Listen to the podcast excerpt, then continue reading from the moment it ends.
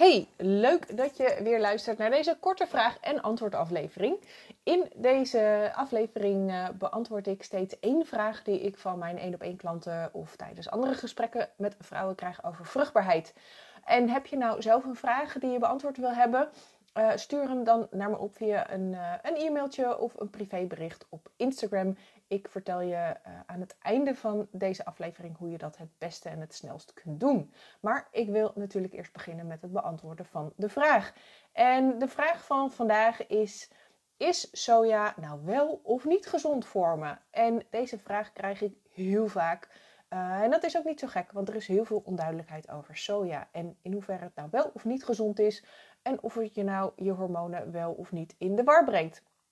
Ik hoop dat je na deze aflevering uh, een, beter beeld hebt bij soja en uh, vooral ook hoe dit je vruchtbaarheid beïnvloedt, zodat je daar zelf ook een keus in kan maken. Dat vind ik heel belangrijk, dat je ook vooral zelf blijft nadenken um, of iets voor jou uh, werkt en of het bij je past of niet. Nou, wat is soja? Soja is uh, een peulvrucht. En met name, nou ja, ik denk de laatste 10, 20 jaar is soja ook hier in, uh, in Nederland, in het Westen, heel populair geworden. Het komt natuurlijk oorspronkelijk uit Aziatische uh, landen. En um, je vindt het vandaag de dag vooral terug in sojamelk, sojayoghurt, uh, edamameboontjes, tempeh en tofu. Dat zijn wel de meest toegepaste vormen. Uh, en je vindt het heel veel terug in bewerkte producten, uh, met name in de vorm van sojaolie. En um, ja, een veel voorkomende zorg is dat soja je hormonen dus kan verstoren en dat het daardoor een negatief kan hebben op je vruchtbaarheid. Nou, soja bevat bepaalde fyto-oestrogenen. Uh, fyto staat voor plant en oestrogeen dat is nou ja, hè, ons eigen lichaams-oestrogeen. En dat wil dus eigenlijk betekenen dat het een, een plantaardige vorm van uh, oestrogeen is. En um, dit heeft een oestrogeenachtige werking in ons lijf. Um, het is niet te verwarren met xeno-oestrogenen, die juist een chemische achtergrond hebben. Dus dat zijn chemisch geproduceerde oestrogeenachtige stoffen die een heel veel groter oestrogeen-effect hebben dan ons eigen oestrogenen. En fytoestrogenen hebben een wat milder effect dan onze eigen oestrogenen. En um, die fytoestrogenen die kunnen van invloed zijn op je eigen uh, oestrogeenbalans. Nou, er zijn de nodige studies gedaan van heeft soja nou, uh, zorgt dat nou voor vrouwelijke effecten en vormen bij mannen of bij jongetjes? Um, verstort het inderdaad zeg maar, de hormoonhuishouding van de vrouw? Studies zijn niet altijd even um, eenduidig daarover. Dus de een zegt ja, er is wel invloed en de ander zegt nee, er is geen invloed. Um, dat zie je wel vaker terug en dat maakt het lastig om in dit soort gevallen heel hard te zeggen: het is goed voor je of het is slecht voor je. En dat komt natuurlijk ook omdat gewoon niet iedereen op dezelfde manier reageert op een stof of op een bepaald voedingsmiddelen. Um, vooral als je een teveel aan oestrogeen hebt, wat ik tegenwoordig wel steeds meer terugzie, dus een oestrogeendominantie, dan zou soja dit wel wat kunnen versterken. Dus dat is in ieder geval iets om rekening mee te houden. Zelf ben ik niet zo'n heel grote fan van soja. En dat komt enerzijds omdat ik het gewoon echt niet lekker vind. Uh, ik vind de structuur niet lekker. Ik vind gewoon het feit dat ik nou ja, weet waar het vandaan komt. En het uh, geeft mij niet echt een heel prettig gevoel. Uh, anderzijds is dat ook omdat sojaproducten, uh, met name degene die ik net noemde, dat zijn toch allemaal sterk bewerkte producten. Er zitten weinig voedingsstoffen in. Um, en ik ga je zo meteen nog een aantal andere aspecten meegeven die je mee kunt nemen in je overweging of soja nou wel of niet uh, goed voor je is. Een uitzondering daarop zou tempeh kunnen zijn en de hele sojaboon, omdat dat tempeh, tempeh is gefermenteerde soja. Um, dus daarmee worden bepaalde schadelijke stoffen onschadelijk gemaakt. Het is makkelijker verteerbaar. Um, en de hele sojaboon zou ook nog een optie kunnen zijn, omdat die dus gewoon niet bewerkt is.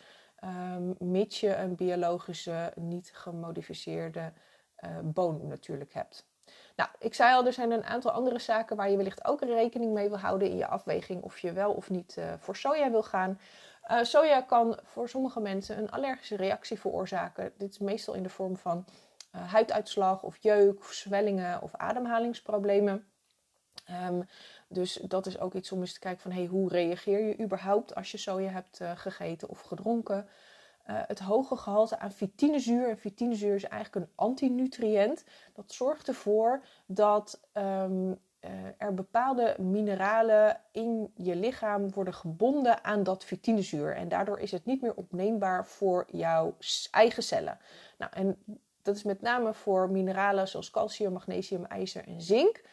Uh, en dat kan ervoor zorgen dat er bepaalde tekorten ontstaan. Nou, dit zijn ook belangrijke um, mineralen voor een gezonde cyclus, maar dus ook voor een uh, gezonde vruchtbaarheid. Soja bevat lectine. Lectine zijn een uh, planttoxische stof. Uh, en die zorgen er ook voor dat bepaalde voedingsstoffen minder goed worden opgenomen. Maar ze kunnen ook, zeker als je al een gevoelige spijsvertering hebt, ook je spijsvertering verstoren. En dat kan er weer voor zorgen dat je ook andere voedingsstoffen minder goed opneemt. Um, en op die manier dus ook eigenlijk, ondanks dat je misschien wel voldoende uh, eet, toch bepaalde voedingsstoffen te tekorten kan creëren. Nou, veel sojaproducten zijn genetisch gemodificeerd. Dat betekent dat het dus gesleuteld is aan de originele sojaplant om deze bijvoorbeeld beter resistent te maken tegen ongedierte. Um, ja, of je dit wel of niet een probleem vindt, is heel persoonlijk. Maar het brengt ook wel wat andere zaken met zich mee om rekening mee te houden. Nou, daar heb ik het zo meteen over. Um, er is niet echt duidelijk uh, bekend dat een gemodificeerde sojaboon minder voedingsstoffen bevat dan een niet gemodificeerde boon. Maar goed, ik heb altijd zoiets, ik ga uit van natuurlijk, zo onbewerkt mogelijk. Ja, en als je dan al begint met een, een zaadje dat, ja, waaraan gesleuteld is, hè, en er is gesleuteld aan het DNA van de plant, ja, voelt voor mij niet helemaal, uh, niet helemaal zuiver. Soja kan ook een negatief effect hebben op je schildklier. En dat is vanwege een andere planttoxische stof. Uh, die planttoxische stoffen die gebruikt een plant om zich uh, te kunnen verdedigen tegen ongedierte bijvoorbeeld. En uh, nou, lectines is daar een van en de andere is goitrogenen. En die kunnen de opname van jodium in je schildklier blokkeren. En jodium is erg belangrijk voor de productie van schildklierhormonen. Dus als jij onvoldoende jodium hebt of als die jodium wordt geblokkeerd, dan kan je dus uh, minder uh, schildklierhormonen aanmaken. En dat heeft weer effect voor onder andere je energie, je spijsvertering, je hormoonhuishouding en dus ook je vruchtbaarheid. Dus ook daar zie ik dat veel vrouwen vaker last hebben van uh, schildklierproblemen. En dan is soja niet de meest voor de hand liggende keuze. Nou, ik zei al, er zijn ook een aantal andere factoren om wellicht rekening mee te houden. En dan heb ik het toch ook echt over dierenwelzijn en het milieu. Um, dus soja kan niet alleen nadelige effecten hebben voor je gezondheid, maar ook op het milieu en het dierenwelzijn.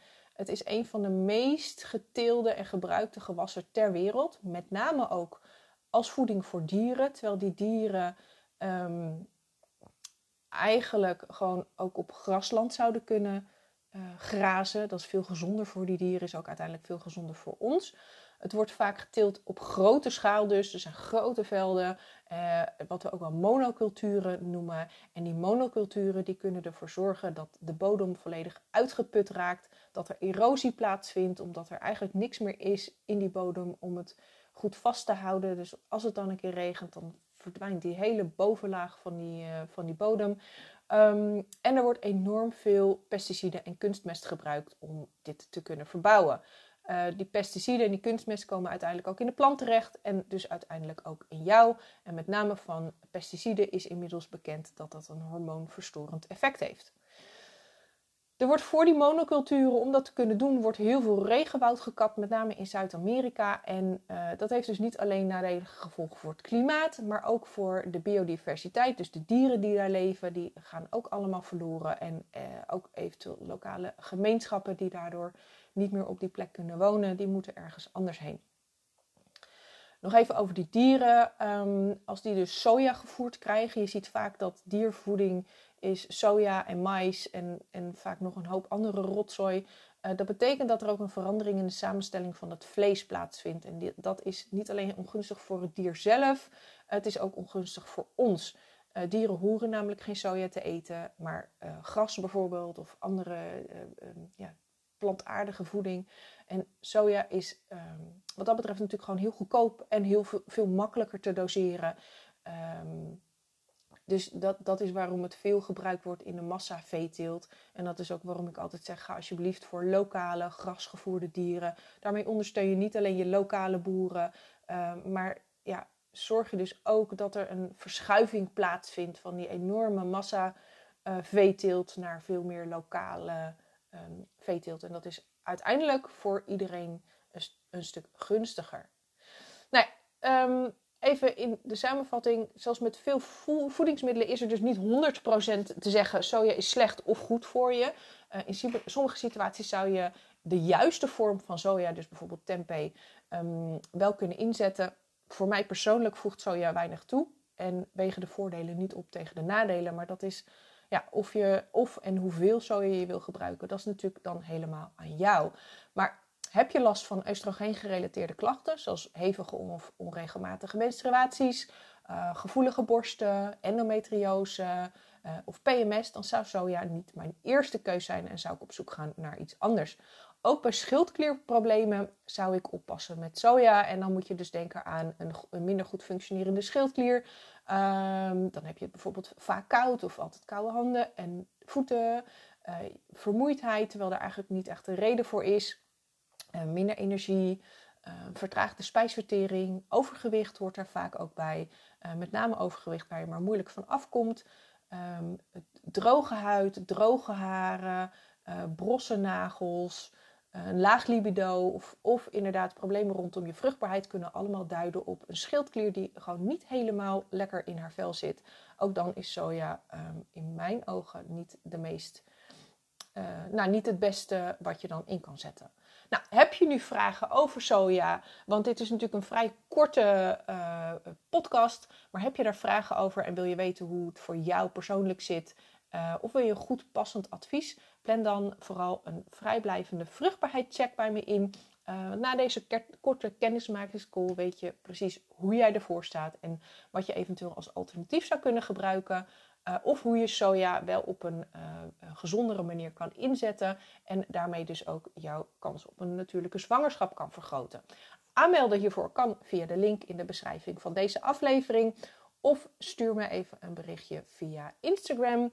Uh, ik denk dat het sowieso leuk is om daar met elkaar te connecten. Dus zoek me vooral even op. En heb je nou zelf een vraag en wil je die beantwoord hebben? Stuur hem dan in via dus een korte e-mail. Via het mail, mailadres in de beschrijving of een berichtje op Instagram. Je krijgt altijd ook persoonlijk reactie en antwoord van me. Dus ik kijk er naar uit om van je te horen. En hopelijk ben je er de volgende aflevering ook weer bij. Ik wens je in ieder geval een hele fijne dag vandaag.